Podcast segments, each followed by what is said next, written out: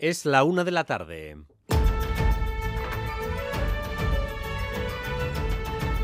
Crónica de Euskadi con Dani Álvarez.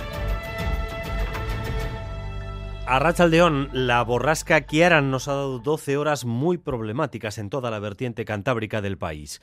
Lo peor de la borrasca ya ha pasado y ahora va a ser la mar la que golpee con furia la costa. Pero desde anoche, vientos de hasta 160 kilómetros por hora han motivado que más de 13.000 personas hayan sufrido cancelaciones o desvíos de sus vuelos en el aeropuerto de Bilbao. Y también incidencias, todas ellas afortunadamente sin consecuencias graves.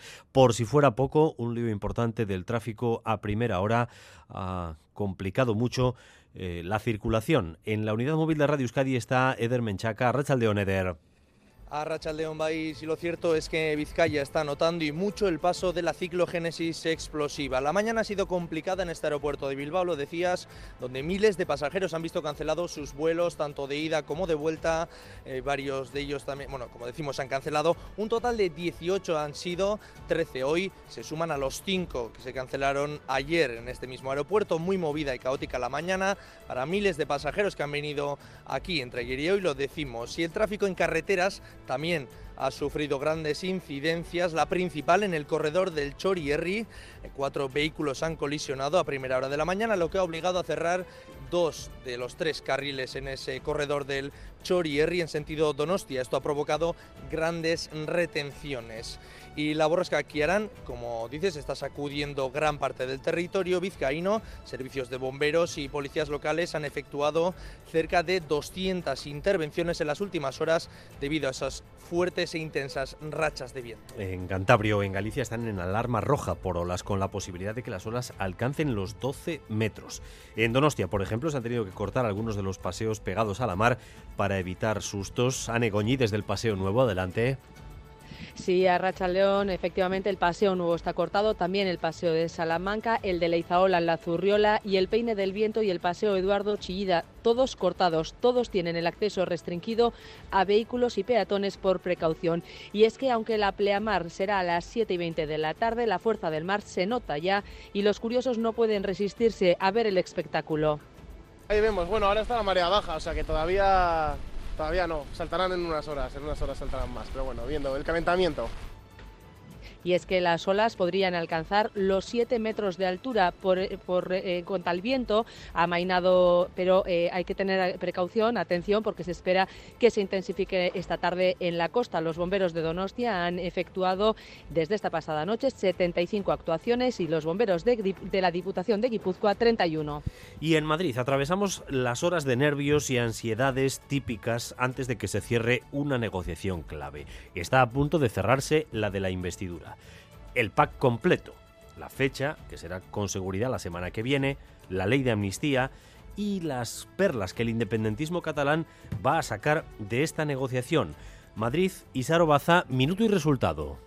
Pues la ley de amnistía está casi lista y parece que se registrará de un momento a otro aquí en el Congreso. La incertidumbre es palpable en los pasillos. Los grupos que apoyarán la investidura de Sánchez ya están prevenidos para firmar el texto. Solo falta el sí de Junts. Entre tanto, en Barcelona, los republicanos están ultimando su acuerdo para la siguiente legislatura con los socialistas. Esta misma mañana han acordado el traspaso integral a Cataluña de los trenes de Rodalías. Lo que está claro es que los acuerdos están encarrilados. Por tanto, las sospechas se hacen realidad. Lo más probable es que la investidura de Sánchez sea la semana que viene. Y Carlas Puigdemont ha reunido a los suyos en Bruselas, así que en los próximos minutos o en las próximas horas podríamos tener el sí, el esperado sí, de Carlas Puigdemont a la investidura y por tanto a la nueva legislatura.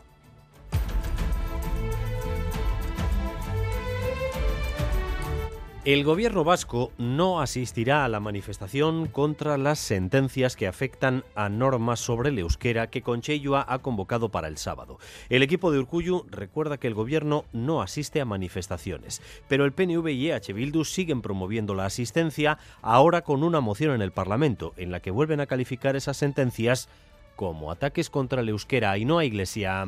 Sí, EH Bildu y PNV se han unido para aprobar un texto conjunto que avala la manifestación del sábado convocada como protesta a la ofensiva contra el euskera. Ese texto denuncia firmemente las últimas sentencias contra la normalización del euskera e insta al gobierno vasco a seguir tomando medidas en su defensa y en defensa de la ley municipal, de la que los tribunales han anulado algunas partes. El Parlamento sí avala, por tanto, esa manifestación con voto a favor del PNV, pero como decías, el gobierno de Urcuyu no asistirá porque el gobierno como tal no acude a manifestaciones, fuentes del Ejecutivo. La librería bilbaína Joker ha obtenido el premio Librería Cultural que otorga la Confederación Española de Librerías. Entre otros méritos, el jurado destaca el de cumplir 30 años siendo una librería especializada en cómic en Bilbao y crear una comunidad lectora empezando por los más jóvenes. Fernando Tarancón, el cofundador de Joker, se ha mostrado encantado con este premio y especialmente contento porque es la primera vez que este galardón se otorga a una librería especializada en cómic que sea la primera vez que se premia una librería de cómic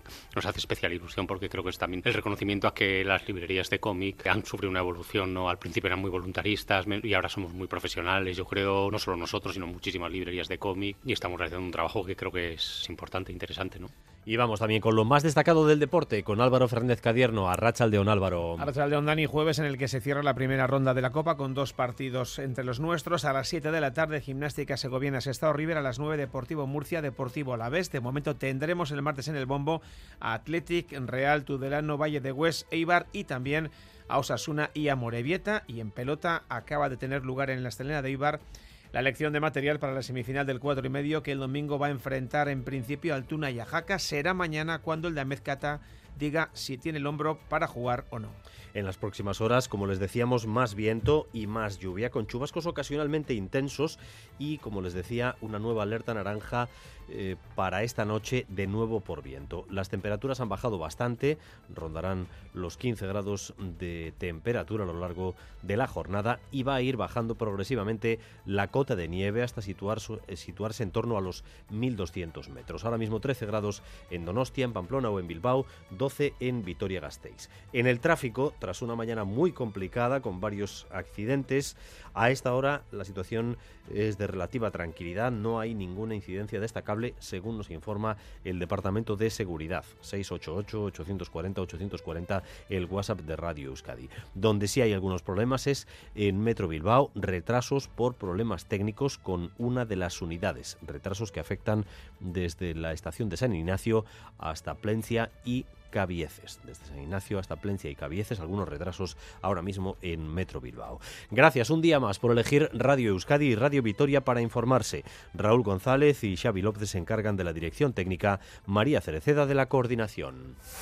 Crónica de Euskadi con Dani Álvarez.